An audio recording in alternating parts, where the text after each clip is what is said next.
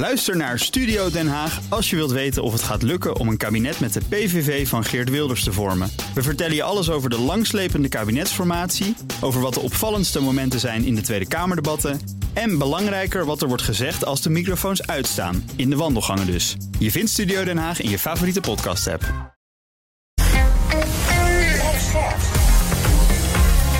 BNR Nieuwsradio. De wereld.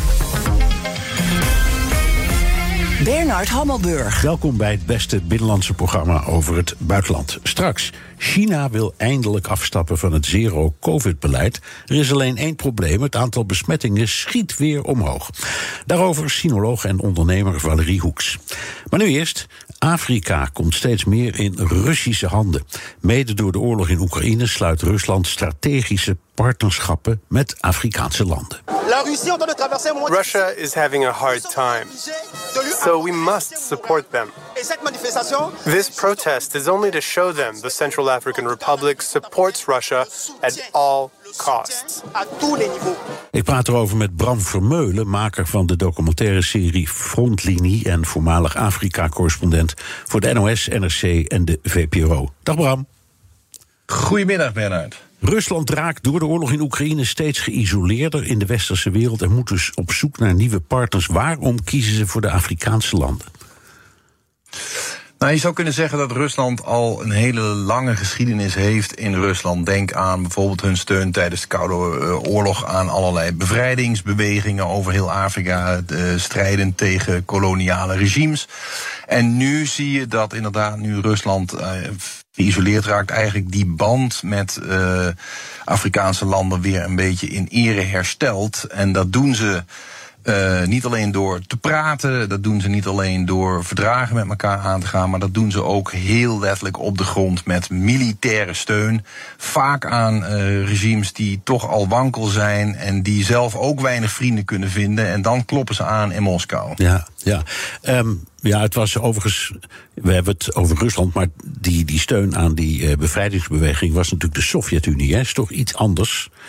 Um... Zeker, zeker. Maar dat de, de, het, het opvallende is dat uh, veel van de Afrikaanse leiders die je ernaar vraagt, van waarom uh, gaan jullie nu met Rusland in zee, zeker nu uh, al, we al die beelden zien uit de Oekraïne en de invasie daar, dan verwijzen ze wel vaak naar die ja. oude banden met de Sovjet-Unie. En, en, ze hebben natuurlijk gelijk. Verwarring die vindt ja. plaats. Ja. ja, ik begrijp het ook wel. Bij de VN is Rusland ook zomaar de Sovjet-Unie opgevolgd, hoewel de Sovjet-Unie uit, uit 15 landen bestond. Maar goed, um, ja, ja. Het, het, het, ik begrijp het best. En inderdaad, in de, in de tijd van de, de, de, de nadagen van uh, het kolonialisme heeft natuurlijk de Sovjet-Unie geweldige, in hun ogen in elk geval, een geweldige rol gespeeld. Dat, dat, en ik kan me voorstellen dat ze dan zeggen: ja, de Russen, die, dat is hetzelfde voor ons, zijn de erfopvolgers. Zoiets.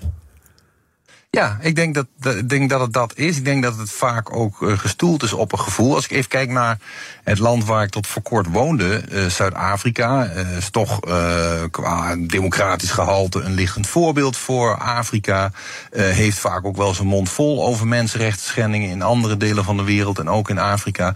En toch was Zuid-Afrika bijvoorbeeld zo'n land dat niet wilde meestemmen toen er bij de Verenigde Naties werd gevraagd: willen jullie de invasie in de Oekraïne veroordelen. En de reden is dan dat de zittende regeringspartij in Zuid-Afrika, het ANC, toch een soort uh, ja, plicht voelt uh, aan, aan de oude Sovjet-Unie en de steun die het ANC in de tijd kreeg in wapens, in geld, om tegen het apartheidsregime te vechten. Ja. Even, uh, zijn de, de, de Russen eigenlijk een beetje China aan het imiteren, dat in Afrika ook heel actief is en dat uh, wegen en scholen aanlegt in ruil voor grondstoffen, wat, wat ze ook vaak cynisch landgrabbing noemen. Ja. Doen de Russen dat Ik ook een beetje? Dat, ja.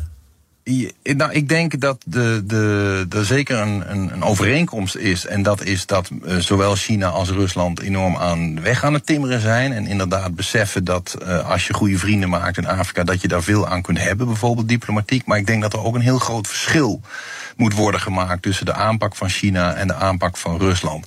We hebben nog nooit op het Afrikaanse continent bijvoorbeeld Chinese wapens gezien. Ik bedoel soldaten, vliegtuigen, uh, harde militaire hardware. Waarbij China zich zeg maar zou gaan bemoeien met uh, de strijd tegen rebellenbewegingen. Daar is China absoluut niet van gediend.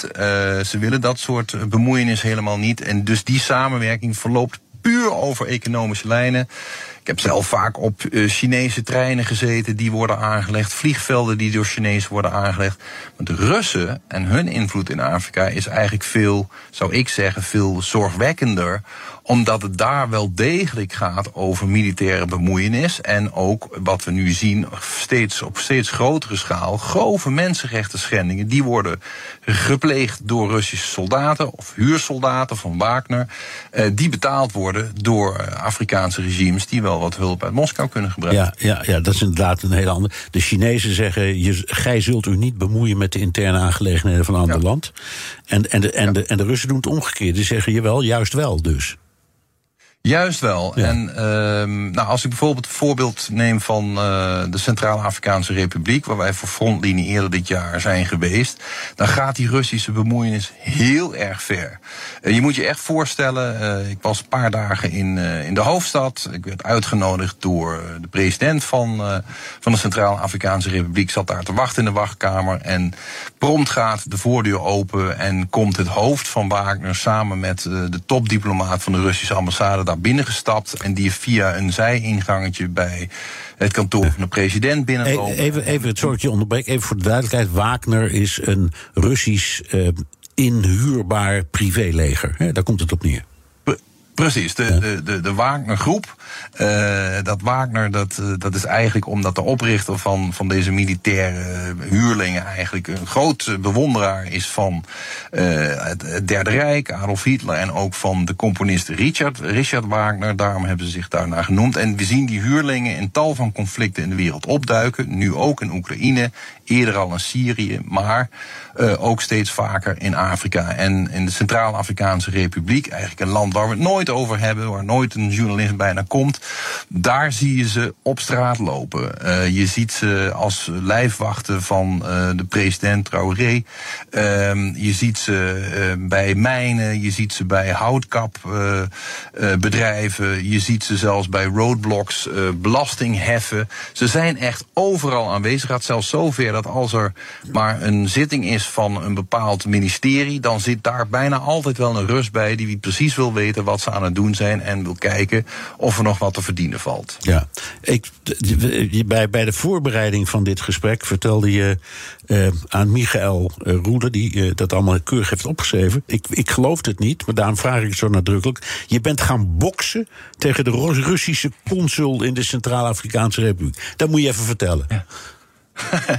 ja, nee, dus de, de, wij, wij hebben contact gelegd met, uh, met inderdaad de Russische consul uh, in de hoofdstad van de Centraal-Afrikaanse Republiek. Die geeft op iedere zaterdagochtend geeft die geopolitieke les aan een dertigtal studenten waarbij hij vertelt over, nou bijvoorbeeld waarom Rusland Oekraïne is binnengevallen. En uh, daar vertelt dat Rusland door het Westen is gedwongen tot die invasie. En dat wordt met veel enthousiasme ontvangen door die studenten die dan meteen zeggen, ja uh, dat, dat Westen dat heeft hier ook allerlei toestanden veroorzaakt, dus die zeg maar die lijn helemaal meevolgen. En na dit college vroegen wij aan de Russische consul, heeft u toevallig ook nog hobby's.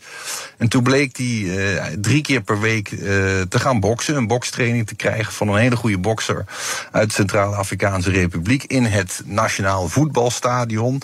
En uh, dat mochten we ook filmen. En toen kregen we dus eigenlijk de, de situatie waarbij ik als westerse journalist uh, recht tegenover uh, Rusland kwam te staan. En even aan de trainer vroeg: mag ik ook even de bokshandschoenen kreeg? En toen zijn we in gesprek gegaan, al boksend. En kon ik hem vragen: zeg, uh, uh, is het waar dat uh, ik hoor dat Rusland betrokken is bij vele mensenrechten schendingen hier? En dan sloeg hij mij een hart op mijn, op mijn vuist en dan zei hij: nee, dat is niet waar, dat is fake nieuws, allemaal niet waar. Nou, je nee. weet wat, wat Russen vaak zeggen over dit soort dingen. Ja. En, en dat brengt me nog op één. Het is een geweldig verhaal trouwens. het is, ja, maar het, het, brengt me op één ding. Um, en dat is dat. Uh, de, de, indruk die we hebben is dat Afrika compleet ongeïnteresseerd is in, in dat hele Oekraïense verhaal.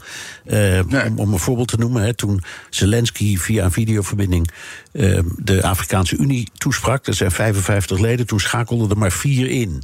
Is, tekent dat een beetje de situatie? En waarom is dat? Nou, ik denk dat, dat het beter is om uh, geen interesse te tonen. Reken maar dat die interesse er is. Reken maar dat ook in heel Afrika wordt gesproken over deze oorlog. Maar het, het gaat uh, voor heel veel landen erom dat ze uh, ja, zowel het Westen als Rusland eigenlijk willen, willen blijven gebruiken als partners. En dan kun je maar beter even wegkijken bij dit vervelende conflict. En uh, je ziet ook wel dat er maar heel weinig landen in, in Afrika zijn die echt zeg maar voor Rusland stemmen. Maar dat de meeste landen zich onthouden van stemming. Daarmee een soort neutraliteit uh, fijnsen, want dat is het natuurlijk niet. Je zegt daarmee eigenlijk ook, het interesseert ons niet zoveel wat daar in Oekraïne gebeurt. Nee, nee, nee. En uh, nou ja, die, die, jij verwees al naar die stemming in de uh, algemene vergadering van de VN. Ik meen uit mijn hoofd waren 143 landen die voor een veroordeling van Rusland stemden. En er waren er vijf tegen. En dan de rest, iets van 35 of 34, die zich van, van stemming onthielden.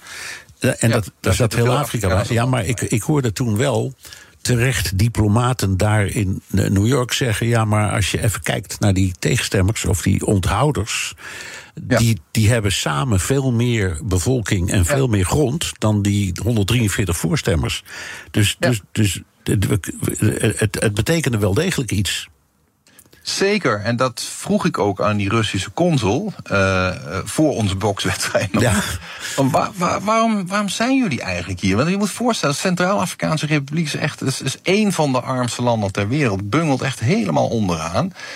Ik bedoel, wat, wat heb je dan nou aan om daar colleges te komen geven, om daar heel veel geld te gaan uitgeven aan het bestrijden van rebellen? Wat, wat is het belang van Rusland? En toen zei hij als eerste die diplomatieke banden. Dus kennelijk wordt er in Moskou gewoon uh, op ingezet om dit soort vriendschappen aan te gaan, om op het grotere politieke toneel daar munt uit te kunnen slaan. Het is, het is zeker geen, geen klein gegeven. Nee. Uh, dit is BNR De Wereld. Mijn gast is Bram Vermeulen, maker van de documentaire serie Frontlinie... en voormalig Afrika-correspondent voor de NOS, NRC en VPRO. Eh, Bram, ik wil het even met je hebben over uh, Mali en Mozambique. landen waar je ook goed inzicht hebt gekregen. Om te beginnen Mali. Daar, daar, is al jarenlang een, een, vredesmissie internationaal. Stond, stond in het begin onder leiding van, van Bert Koenders... Uh, het, het, het is een beetje een deconfiture. Hè, als je er zo naar kijkt. Duitsland wil er nu weg in 2024. Franse hulporganisaties worden geweerd. Wat is hier nou precies aan de hand? Nou ja, Duitsland vertrekt eigenlijk in het kielzof van de Fransen, die daar uh, in 2000, eind 2012, begin 2013 zijn die eigenlijk Mali te hulp geschoten nadat daar een staatsschip is geweest. En vervolgens het noorden van Mali werd uh, onder de voet gelopen door een uh, soort mix van lokale Tuareg-rebellen die al decennia lang dromen van een eigen staat, die samen gingen werken. Ja, die kwamen allemaal uit Libië hè, toen. Ja. Van Al-Qaeda, ja precies. Dus uh, inderdaad, vanuit Libië kwamen grote stromen wapens. Na de val van Gaddafi kwamen al die wapenarsenalen, die, kwamen, die werden geopend en die, die, die AK-47 die stroomden Mali binnen en binnen de kortste keren was het noorden van Mali eigenlijk onder de voet gelopen door deze alliantie van Tuaregs en Al-Qaeda-terroristen. Onder meer Gao en, en de beroemde stad Timbuktu werden toen ingenomen. Toen hebben de Fransen onder president Hollande hebben, hebben een, een missie gestuurd. En redelijk snel eh, de jihadisten daar wel weten te verslaan. Alleen vervolgens bleven ze. En ja, toen werd het een soort uh, propagandastunt voor die jihadisten. Want die konden nu zeggen: aha, de kruisvaders zijn terug, de oude koloniale Fransen zijn terug, die gaan we bestrijden. En je ziet eigenlijk sinds 2013 dat dat jihadisme als een soort olievlek over heel West-Afrika is uit, um, is, is verbreid. En uiteindelijk kregen de Fransen daar de schuld van. Althans, zeg maar in de, in de retoriek, uh, op straat, uh, op televisie. Uh, en de Russen zijn daar eigenlijk ingesprongen. Zeker toen eerder een, uh, weer een staatsgreep in Mali werd gepleegd door een aantal generaals die internationaal geen enkele steun kregen. Die hebben met Moskou gebeld en die hebben gezegd: kunnen jullie niet eens naar ons komen? En toen hebben de Fransen gezegd: nou dan, dan stoppen wij ermee. En wat nu dus de gevaarlijke situatie is die daar ontstaat, is dat westerse legers zoals Frankrijk en Duitsland, uh, die vertrekken, die zeggen: ja, dit, dit gaan wij niet meer doen.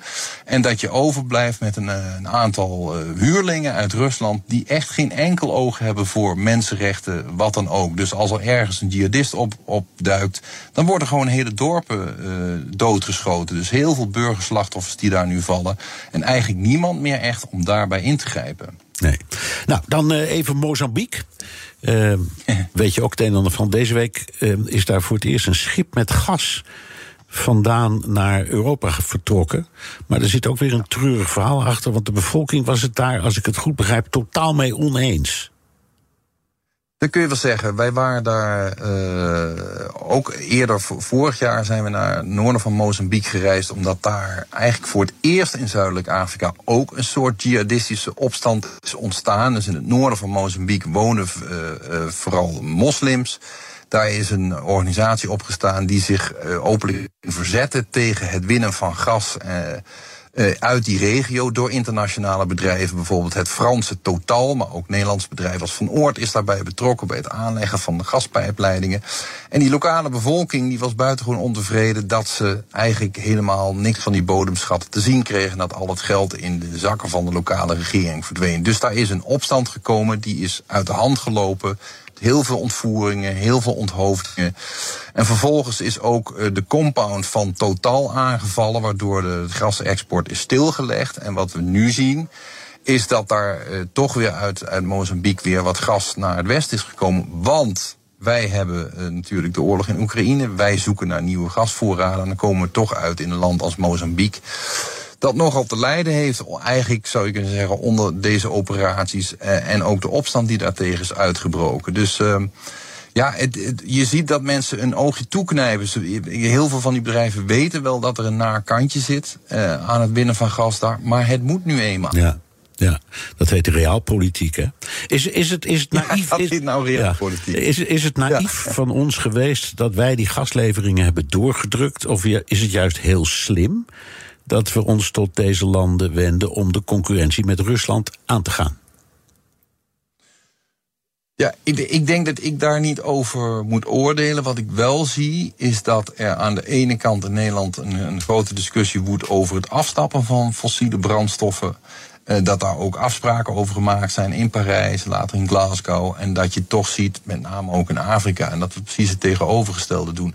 En dat de oorlog in Oekraïne wat dat betreft ervoor heeft gezorgd dat uh, nou ja, bedrijven die daar zoeken weer een beetje de wind in de rug hebben gekregen. Ja, dus, nee. ja het is dominee en koopman, uh, ja, Bernard. Zeker, zeker, zeker, zeker. En dat is een, een, ja. een continu dilemma. Er zit nog één factor bij. En daar horen we, om het weer even terug te halen naar Oekraïne, heel veel over. En dat zijn die graanleveranties. Want die gaan ja. voor een groot deel naar Afrika. Dus ik kan me voorstellen dat um, Afrikaanse landen zeggen: we zijn de Russen ook wel dankbaar dat ze uiteindelijk aan die regeling hebben meegewerkt. Want dat is direct een verband tussen de oorlog in Oekraïne en Rusland en Afrika.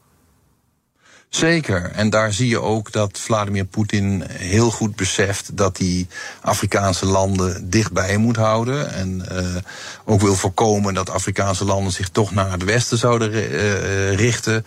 Als gevolg van die oorlog in het Oekraïne. Dus daar heeft hij dan toch weer een deal gemaakt. Onder meer met de president van Senegal. Van nee, je hoeft geen zorgen te maken. Wij kunnen onderhands nog wel wat, wat regelen. Ja. Dus zo zie je dat dat, ja, dat grote conflict overal gevolgen heeft. Ook in Afrika. Ja, um, even voor de, vraag. Dus, hoe zit het met de, met de grote Afrikaanse landen? Nigeria, Angola, je noemde al even Zuid-Afrika. Um, ja. Hebben die ook, flirten die ook met, uh, met Rusland? Of houden ze het bij zich um, onthouden van wat dan ook, stemming, oordeel enzovoort? Ja, nee, de groot, grote landen uh, gaan ook dit soort eh, overeenkomsten aan. Uh, ik denk dat je daar niet helemaal op moet verkijken, omdat die landen overeenkomsten maken met iedereen, inclusief met Rusland. Maar Rusland heeft in totaal bijna 29 uh, overeenkomsten met landen. Van, hè, er zijn er 54 in Afrika. Dus dat, ze bestrijken eigenlijk het hele continent. Alleen die samenwerking is op sommige plekken veel intensiever. Zoals de Centraal-Afrikaanse Republiek, of in Mali, in Soudaan, Libië zien we het. En soms is hij op een lager pitje, zodat er bijvoorbeeld overeenkomsten worden gesloten over het leveren van bepaalde wapens. Maar nou niet direct huurlingen van Wagner die daar de boel onveilig komen maken. Maar je ziet wel dat Rusland steeds meer probeert om met verschillende landen overeenkomsten over wat dan ook te maken. Ja, ten slotte misschien het belangrijkste moment van dit gesprek, Bram. Jij, we hebben jou weten te strikken, hoewel je heel druk bezig bent in een montage. Dus je spreekt je spreekt ons toe vanuit een montagehok. Waar werk je aan? Ja. Wij zijn uh, net in Bosnië geweest. Eigenlijk met, met in het achterhoofd eenzelfde soort van verhaal. Uh, en de vraag of na Oekraïne Bosnië de volgende oorlog is die, die ons staat te wachten. In Bosnië zie je bijvoorbeeld op straat heel veel t-shirts worden verkocht van Vladimir Poetin. Mensen die uh, vlaggen ophangen, mensen die posters ophangen van Vladimir Poetin. Omdat ze hem ook nog steeds zien als de beschermheer van het Servische volk in Bosnië, in Servië zelf. En er de angst groeit dat met uh, premier Dodik, dat is de premier van de Republika Srpska, uh, die hele goede vrienden is met Vladimir Poetin, dat Poetin daar wellicht binnenkort ook weer gaat roeren in een conflict. Nou ja, jij weet er alles van, uh, Bernard. Uh, Bosnië, daar hoef je niet veel aan te doen om dat weer te laten ontvlammen. Nee, je hebt, je hebt bij wijze van spreken niet eens een lucifer nodig en de lont brandt al. Ja. Dat, is, dat is waar. Precies. Um, ja. En hoe ver ben je? Wordt het een serie? Vertel er even over. Wanneer wordt die uitgezonden? okay. waar, waar, kunnen we hem zien? Ja. Nee, dus, uh, nee, deze wordt uitgezonden op 15 december. Wij zijn nu halverwege de montages. We hebben nog, we hebben nog uh, een volle week om hier uh, aan te werken. en dan wordt die op, op donderdag 15 december uitgezonden op ons vaste tijdstip, 5 voor half 9 op NPO 2, inderdaad bij de VPRO. Bram Vermeulen, dank dat je ondanks die drukte toch even bij ons in de uitzending wilde komen. Bram Vermeulen, maker van de documentaire series Frontlinie en voormalig Afrika-correspondent voor de NOS, NRC en de VPRO. BNR Nieuwsradio. De wereld.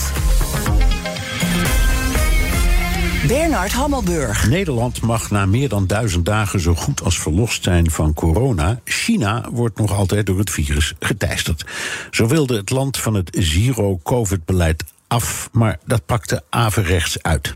Zelfs met protesten als gevolg. People who claim to be Foxconn workers clashing with authorities in hazmat suits and they're shouting, "Give us our pay." Foxconn had promised to um, new recruits that they would give them extra bonuses and higher pay if they agreed to live under the COVID controls. Foxconn. Uh, er braken protesten uit. Uh, je ziet ook uh, online allerlei filmpjes daarover. Het is echt hot news. Ik praat erover met Valerie Hoeks, sinoloog en partner bij China Inroads. Welkom in de studio. Dank je, Bernard. Ja, uh, Foxconn is een uh, assemblagebedrijf. Dat, dat zet uh, Apple-telefoons in elkaar. Heeft excuus aangeboden aan de werknemers. Er zou iets, een technische fout zijn... waardoor de, de, de, ik zou maar zeggen, het overwerk niet is uitbetaald. Maar natuurlijk wij dachten meteen, ja, maar dat komt omdat die mensen als het ware opgesloten zitten, gevangen zitten, als gevolg van COVID. Hoe zit dat nou precies in elkaar, deze zaak? Ja, nou, je moet je voorstellen dat toen de uitbraak um, begon, dat was half oktober, um, toen gingen de deuren al op slot. Hè, en toen hebben we even meegekregen, ook in het nieuws, dat mensen vluchten. Ja. Uh, de mensen dachten, ja, anders kom ik hier nooit meer weg, dus ik kan maar beter nu vertrekken. Um, tot en met vandaag uh, ja, is, zijn er nog steeds heel veel uh, besmettingen binnen de campus daar. De mensen wonen daar, werken daar normaliter ook. Die komen vaak van ver. En door die besmettingen is ja, er ook een disruption gekomen in het aantal medewerkers dat beschikbaar is. Dus er zijn nu al vertragingen in het productieproces. Ehm, en om dat te uh, beslechten hebben ze op een gegeven moment gezegd... wij gaan bonussen uitkeren aan nieuwe medewerkers... met de belofte, jongens, na twee maanden krijgen jullie een, uh, een bonus uitgekeerd. Nou, die bonus kregen ze dus opeens niet uitgekeerd. En daarvan werd gezegd, jullie krijgen die in het voorjaar... als je langer blijft. En daarom uh, kwam ja, deze ja. specifieke opstand. Dus even, ze worden eerst opgesloten om heel hard te werken in een fabriek... en vervolgens krijgen ze een worst voorgehouden en die kregen ze niet. Precies. Nee, begrijpelijk. Um, is dit nu, dit is een protest en het gaat de hele wereld rond. En is dat nou omdat je bijna niet protesten ziet, of omdat ze in werkelijkheid ook bijna niet voorkomen. Hoe zit het in China met het protesteren tegen dat ja, idee? Ik heb steeds het idee, de hele bevolking wordt opgesloten en de sleutels worden meegenomen en hupsakee. Ja. Nou, ik denk dat we um, ons bewust moeten zijn van dat de censuur op volle toeren draait. Dus het is gewoon heel moeilijk om een echt goed beeld te krijgen bij de situatie lokaal. Uh, niet alleen voor mij, maar ook de mensen in China. Mijn eigen collega's hebben heel veel moeite om de VPN-verbinding te herstellen. Die wordt continu onderbroken. Dat was eerder niet. Um, dus de Chinese overheid is zich heel bewust van het risico, uh, namelijk dat die onrust zich verder verspreidt en online een enorme beweging op gang brengt. Dus daar uh, is men huiverig voor. En dat zorgt erop dat men er bovenop zit. Maar je kan ervan uitgaan dat er uh, op verschillende lokale plekken, en dat is in Guangzhou, in Zhengzhou, waar dit zich afspeelt, zeker het geval. Maar ook in andere steden waar mensen al langere tijd ofwel beperkt worden ofwel opgesloten zitten, um, de straat op gaan. Ja, maar je zegt Guangzhou, er wonen 15 miljoen mensen. Uh, ja, er was eentje ziek, zou ik maar zeggen. Ja. Dan gooi je toch niet zo'n hele stad dicht? Ja, maar dat is dus het uh, zero-covid-beleid van Xi. En daar heeft hij ook zich hard voor gemaakt. Dat is zijn persoonlijke stokpaardje. En op het moment, ze zitten echt in een catch-22 op dit moment. Ze zitten echt in een squeeze. En dat vergeten wij hier in het Westen soms. Het gezondheidssysteem in China stond al op knappen uh, zonder covid. Als ja. ze dit nu echt los gaan laten, dan heb je het over miljoenen doden. En dat kan China zich absoluut niet permitteren. Nee, maar, maar wacht even, ze hebben de, nu gezegd de afgelopen dagen sinds, of periode sinds, sinds het beleid iets is gevierd, zijn er 34.000 besmettingen bijgekomen. De, op 1,4 miljard mensen. Dus wij hebben dat even omgerekend. Dat zou in Nederland iets betekenen als 400 besmettingen. Dat is toch niks? Nee. Waar, waar, maak je je druk om, zou ja. ik dan zeggen? Nou ja, als je er continu uh, wordt afgerekend op uh, het ja, onder controle houden van het aantal besmettingen binnen jouw regio. Dan heb ik het over de lokale officials die verantwoordelijk daarvoor zijn. Um, ja, dan denk je wel drie keer na voordat je het echt laat vieren. Dus je ziet ook een beetje paniekvoetbal nu. En ik merk het ook bij mijn klanten. Die um, vorige week, drie van onze klanten hebben spontaan een ticket geboekt naar China. Zeggen, nou, nu kan het, nu ga ik. Ja, en nu denken ze wel nog drie keer na of ze echt als vliegtuig in willen stappen. Binnen een week tijd. Ja. Want je moet de vraag is of je er weer uitkomt. Ja, daar komt ja, het op neer. Dat is het risico. Ja.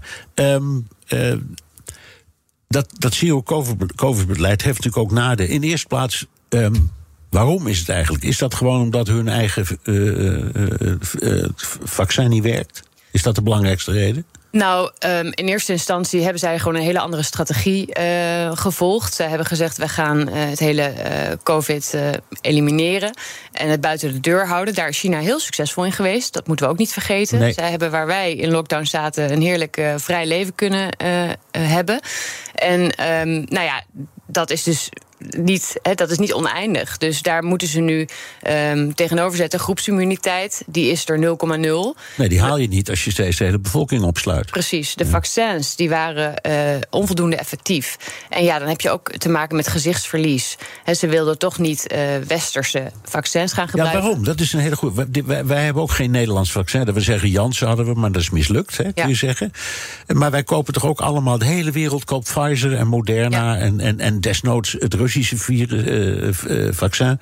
Dat schijnt ook best uh, goed te werken. Dus hadden bij de buren kunnen aankloppen. Waarom doen ze dat niet? Nou, ik denk dat we dit in het licht van, van een grotere context moeten zien. Namelijk de handelsoorlog tussen de VS en China.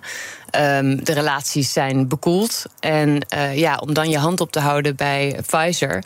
Um, om dat vaccin, dat is nu inmiddels gebeurd. Sinds half oktober zijn er nu anderhalf miljoen mensen uh, gevaccineerd met dat vaccin. Ja. Maar dat is echt voor het eerst, na al die tijd dat dat gebeurt.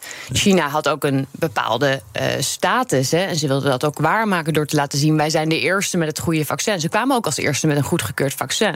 Maar het bleek niet genoeg effectief. Nee. Nee, maar goed, dan denk ik, uh, het is ook een soort koppigheid. Aan de andere kant, ik, ik, ik geloof dat 90% van alle antibiotica die in Amerika wordt geslikt, wordt in China gemaakt. Dus de Amerikanen hebben er helemaal geen moeite mee om te zeggen: Nou, dat is een ander land, maar dat werkt prima. Dus waarom zijn de Chinezen. Je kunt zeggen, ja, door die handelsoorlog. Maar als het gaat om de gezondheid van je eigen volk, is het toch een makkelijke keus. Ja, en dat is ook het, het narratief hè, naar de lokale bevolking. Uh, alles wat wij doen nu, um, is, eh, komt ten goede van de gezondheid van het volk. En dat is ook de reden dat het heel lang wel goed is gegaan. Hè. Dat is ook de reden dat het gros van het volk dit ondersteunt. Hè. De bevolking is ook niet per se tegen het zero-covid policy, maar tegen het mismanagement. En dat zag je, of zie je nu bij Foxconn lokaal gebeuren. Maar dat zie je natuurlijk in alle steden waar uh, ja, die officials echt in die squeeze zitten. Ze moeten enerzijds de economie weer um, aan de gang krijgen. En anderzijds moeten ze die um, aantal besmettingen onder controle houden. En dat is eigenlijk niet te doen. Nee. Uh, ik, ik, begreep ook dat je. Misschien was het in Guangzhou, maar het kan ook ergens anders zijn geweest. Dat je. Uh, je mag wel naar buiten, maar dan moet je een uh, negatieve test kunnen overleggen. Ja. Is dat een systeem dat echt werkt? En hebben veel mensen zo'n negatieve uitslag? Ja, um, het is heel vrijheidsbeperkend. Hè? Dus je moet je voorstellen dat eh, het is per regio verschillend. En ook de, door de tijd heen veranderen de regels. Maar doorgaans moet je of iedere dag, iedere 24 uur of iedere 48 uur, mits je ergens naartoe wil, een publiek gebouw bijvoorbeeld in, een kantoorgebouw in, moet je kunnen laten zien dat je een negatieve uh, COVID-test hebt. En is dat dan een zelftest? Ja, nee, dat is zeker geen zelftest. Nee, die moet je laten doen. Ja, en er staan lange rijen. Dus het is zeer uh, ja, en, dan, en, dat elke, en dat elke dag dus? Dat bijna elke dag. Dus het gevolg is dat heel veel mensen, en dat geldt ook voor mijn eigen collega's in Shanghai, die werken thuis. En niet uh, sinds kort, maar al bijna drie jaar. Ja, ik zit weer aan iets te denken. Het schiet me zo te binnen, maar we, we hebben al die zelftestjes hier. komen allemaal uit China. Dus waarom gebruiken de Chinezen niet gewoon hun eigen zelftestjes? Ja, omdat, omdat uh, mensen toch controle willen houden. Hè? Want je vraagt dan heel veel uh, aan het individu. Dat is waar. Um, ja, en ik denk dat wat ik belangrijk vind om even aan te geven, is dat we ons even moeten inleven in die gewone Chinees. Um, en ik merk dat echt bij mijn collega's, bij, bij alle mensen met wie ik contact heb. Er zit een bepaalde moedeloosheid in inmiddels. Hè? En um, als jij. Uh, kijk, de jongere generatie is helemaal niet bang voor COVID. Die, die weet inmiddels ook wel dat je er niet heel erg ernstig ziek van wordt in de meeste gevallen. Um, maar wat je wel ziet, is dat ze heel bang zijn om het te krijgen vanwege het eventuele gezichtsverlies. Als jij het krijgt, ja. dan gaat namelijk jouw hele gebouw of jouw hele community in lockdown. Ja. En dan heb jij het gedaan. Dat is waar. En dat is typisch Chinees, heeft niks met COVID te maken. Gezichtsverlies is pijnlijk. Dit is BNR De Wereld. Mijn gast is Valerie Hoek, sinoloog en partner bij China Inroads. Um, Even praten over de Chinese economie. Die heeft te lijden onder dit alles. Uh, dit jaar groeit die nog maar met 3% En dat is voor Chinese begrippen heel laag. Uh, jij bemiddelt tussen Nederlandse en Chinese bedrijven die, zaken met elkaar doen. Wat voor effect heeft corona op de handel? Ja, een groot effect. Um, je ziet al, he, voor COVID uh, waren wij natuurlijk ook in deze rol actief. En je ziet hoe belangrijk het is om uh, te bemiddelen. Uh, want je hebt te maken met een taalbarrière, je hebt te maken met een grote afstand. En uh, veel van onze klanten reizen met enige regelmaat naar China. Dan heb ik het over één, twee keer per jaar. En die momenten zijn cruciaal om het vertrouwen ja um, vast te houden dan wat te herstellen. En je zei net al, dat daar, daar bedenken ze zich nog wel even, want ze weten niet of ze terug kunnen vliegen. Nee, dus dat zie je nu in praktijk. Hè. En dat geldt ook voor mijzelf. Um, wat is het moment dat ik dan toch ga? Um, en ja, er zitten soms wel uh, hete aardappels uh, in de situatie waar wat mee gedaan moet worden. Hè. Dus er zijn echt soms conflict situaties. En ik zie vooral heel veel uitstel. Dus je ziet um, uh, belangrijke beslissingen die worden uitgesteld. Of en dat vind ik nog gevaarlijker. Die worden wel genomen, maar op grote afstand. Zonder dat je echt het gevoel hebt of er draagvlak is bij de Chinese counterpart. Hè, als je in een joint venture zit of je hebt een samenwerkingsverband. Ja. En je ziet dus een beetje een scheefgroei. Um, in, in dat beslisproces. En ja, daarom is het zo schadelijk. Je kan eigenlijk op afstand niet altijd aanvoelen of jouw plan nee. of jouw strategie past bij de lokale situatie. Nee.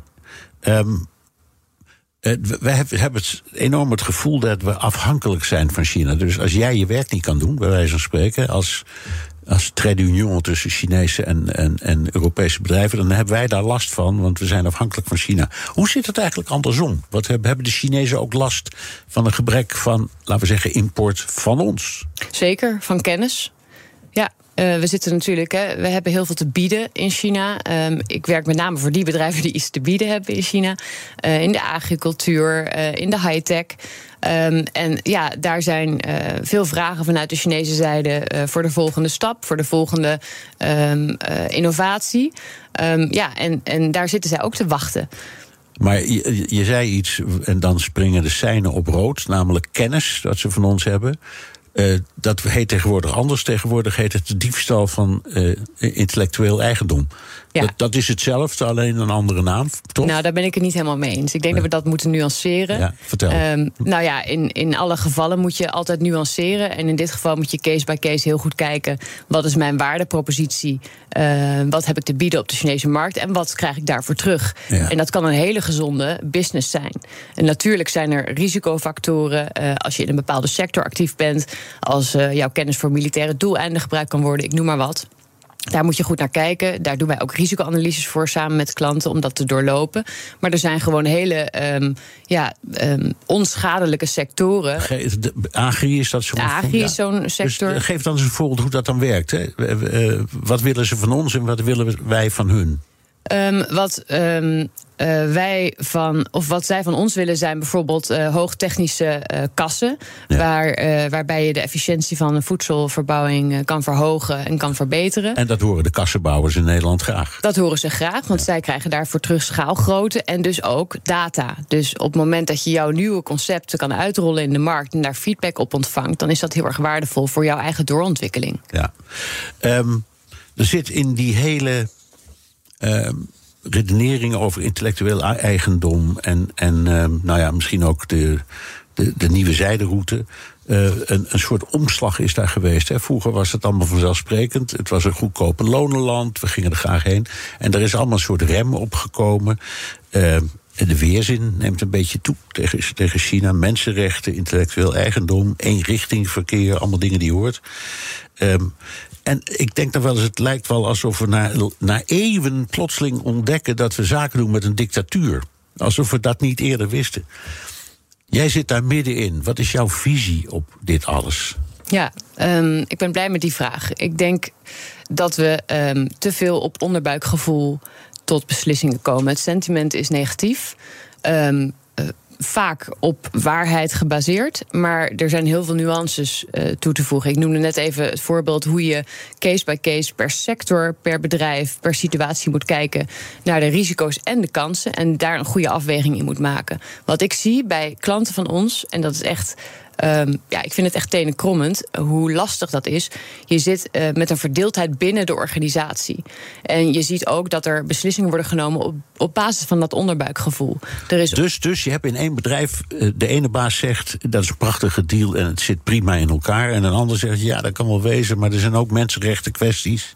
Met de Oeigoeren laten we maar niet doen. Ja, zoiets? Zoiets. Uh, maar ook um, een situatie waar al lang lopende relaties zijn. Uh, waar kennis op het uh, hoogste niveau wordt uitgewisseld. Waardoor wij aan tafel zitten bij ontwikkeling. Bijvoorbeeld in automotive, bijvoorbeeld in de agri. waar je aan tafel wil zitten, waar je dialoog wil hebben. Waar je dan ook controle hebt over wat er in en uit gaat. Um, en daar komt een nieuw management aan boord. En die heeft heel veel op zijn of haar bord. En vindt het ook wel spannend. En zegt dan, nou laten we maar even alles on hold zetten. En de deur gaat dicht. En dat vind ik heel gevaarlijk. Want um, dan gaat eh, China naar Duitsland of uh, naar Spanje. Of naar, zitten wij niet meer, of naar Rusland. Of naar Rusland. Ja, zitten ja. wij niet meer aan tafel. En heb je dus ook die dialoog niet meer. En ik wil daarmee, daarmee absoluut niet bagatelliseren. De, de argumenten die je net noemt. Uh, maar nogmaals, dat is een zorgvuldige afweging die je moet maken. En die moet wel op feiten gebaseerd zijn. En er wordt in Nederland voortdurend gepraat over een China-beleid. Uh, er wordt gepraat over een Europees China-beleid. Is dat gebaseerd op feiten of op onderbuikgevoel? Ook bij politici? Ik denk dat wij um, ook hier uh, narratief hebben. Uh, ik denk ook dat onze beeldvorming gekleurd is. En ja, dat proberen wij ook te doen als tussenpartij. Om daar gewoon heel erg feitelijk naar te kijken en dat helemaal te ontleden. Um, en dan kan je ook met gerichte argumenten komen die gegrond zijn, waarmee je mensen intern, maar ook extern kunt overtuigen. Ja. Uh, ik neem aan dat je hier met Chinese collega's ook over spreekt. Hoe kijken die naar ons? Ja, uh, dat is ook lastig. Kijk, je merkt dat um, ook ik met al mijn relaties die ik in de afgelopen twintig jaar heb uh, opgebouwd. Je proeft afstand. Je kan online helaas niet alles bespreken. Um, je hebt andere type gesprekken. Maar je proeft ook, voor de mensen die wel naar China zijn gereisd in die tussentijd, dat ze anders worden ontvangen dan vroeger. Ook daar uh, leeft een narratief over het Westen. En um, ja, ik geloof toch echt dat een vertrouwensband, dat een relatie de basis is voor die dialoog. En die moeten we wel heel erg goed vasthouden. Dank. Valerie Hoeks, sinoloog en partner bij China Inroads. Postma in Amerika. Tijd voor het Amerikaanse nieuws door de ogen van onze correspondent in Washington, Jan Postma. Jan, in Georgia wordt op dit moment volop campagne gevoerd voor die ene laatste senaatszetel. Daar moest een tweede ronde voor komen. Uh, en er mag van de rechter nu een dag extra worden gestemd.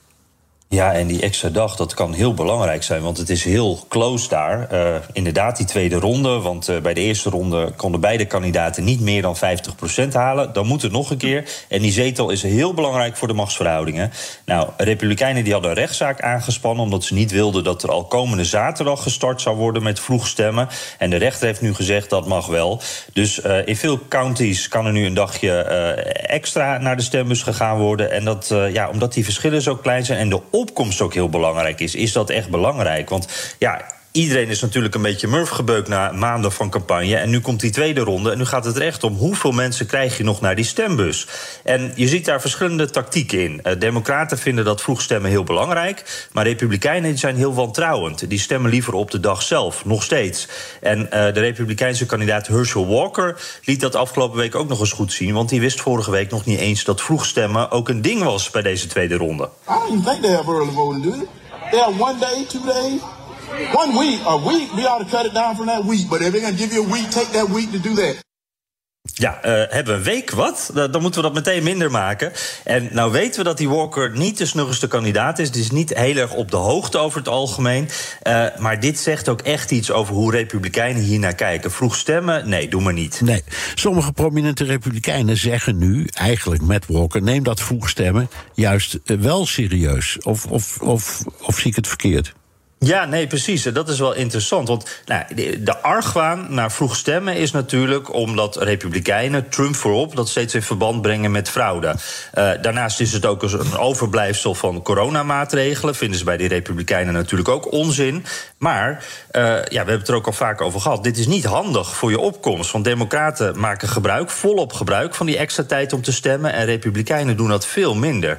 Uh, daar moeten we vanaf, zegt nu ook bijvoorbeeld Nikki Haley, voormalig VN ambassadeur, gouverneur en potentiële kandidaat voor 2024. The Democrats did a full court press to vote early. We sat on our hands. Friends, early and absentee voting are here to stay. We need to play the same game and turn out the maximum number of voters. The left does it and we don't. Ja, dit kost ons eigenlijk de verkiezingen. Wij moeten ook dat vroeg stemmen gaan omarmen. Er moet iets veranderen. En Ron DeSantis, ook zo'n presidential hopeful, die zei dat ook al afgelopen weken.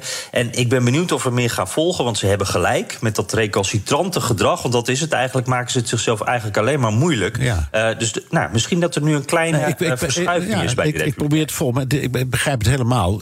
Als je, als je om een of andere koppige reden zegt, zegt alleen stemmen op de verkiezingsdag uh, telt en op meer dagen die worden gegeven niet, dan doe je jezelf tekort. Hè? Dat is de redenering van Nikki Haley. Ja, precies. Je moet eigenlijk elke kans grijpen natuurlijk. En als je op maandag meer tijd hebt dan op dinsdag, ga dan vooral op maandag. Dat is wat Nikki Haley zegt. Uh, maar, maar Republikeinen die houden echt. Het is een beetje dat coronagevoel vooral hoor. Maar ook Trump natuurlijk met, met zijn fraudeverhalen. Dus er hangt een heel negatief gevoel omheen. Ja. hey, nog even uh, een dingetje over Biden en Trump. Ik begrijp dat die voorlopig in Georgia beiden niet welkom zijn. Nee, een beetje persona non grata. Uh, uh, Biden die heeft al gezegd: ik doe alles voor de democratische kandidaat, kandidaat die Raphael Warnock. Ik, kom langs zoveel je wilt, maar als het meer helpt dat ik wegblijf, dan doe ik dat. En uh, voorlopig hebben we nog geen enkel evenement met Biden gezien in Georgia. Ook Kamala Harris is er niet. Dus ondanks de, de, nou, de meevallende uitslagen voor de Democraten bij die midterms wordt Biden daar toch echt weggehouden. Obama die komt wel weer langs natuurlijk, die is wel heel populair. En Trump die schijnt een beetje geïrriteerd te zijn dat hij nog niet gevraagd is. Uh, die Herschel Walker, dat is echt zijn kandidaat, dus daar wil hij graag campagne voor voeren. Uh, maar Republikeinen zijn een beetje huiverig, want die laatste teleurstellende uitslag voor, hun dan van de midterms uh, heeft voor een deel ook natuurlijk met Trump te maken. En Trump die zou ook weer gaan afleiden van die kan, kandidaat, denken ze. Dus die wordt daar echt een beetje weggehouden. Dus je ziet nu dat beide partijen echt er heel veel geld in pompen. Er lopen daar ook allerlei politici van bij beide partijen rond. Uh, maar de kopstukken, Biden en Trump, die dus liever even niet. Dank, Jan Posma, correspondent in Washington. Wilt u meer horen over dat fascinerende land? Luister dan naar de Amerika-podcast van Jan en mij. En tot zover BNR De Wereld. Terugluisteren kan via de site, de app Spotify of Apple Podcast. Reageren kan via een mailtje naar dewereld.bnr.nl. Tot volgende week. Ook Harm Edens vind je in de BNR-app. Je kunt BNR Duurzaam niet alleen live luisteren in de app, maar ook terugluisteren als podcast, zoals al onze podcasts. En naast dat de BNR-app Breaking News meldt, houden we je ook op de hoogte van het laatste zakelijke nieuws. Download nu de gratis BNR-app en blijf scherp.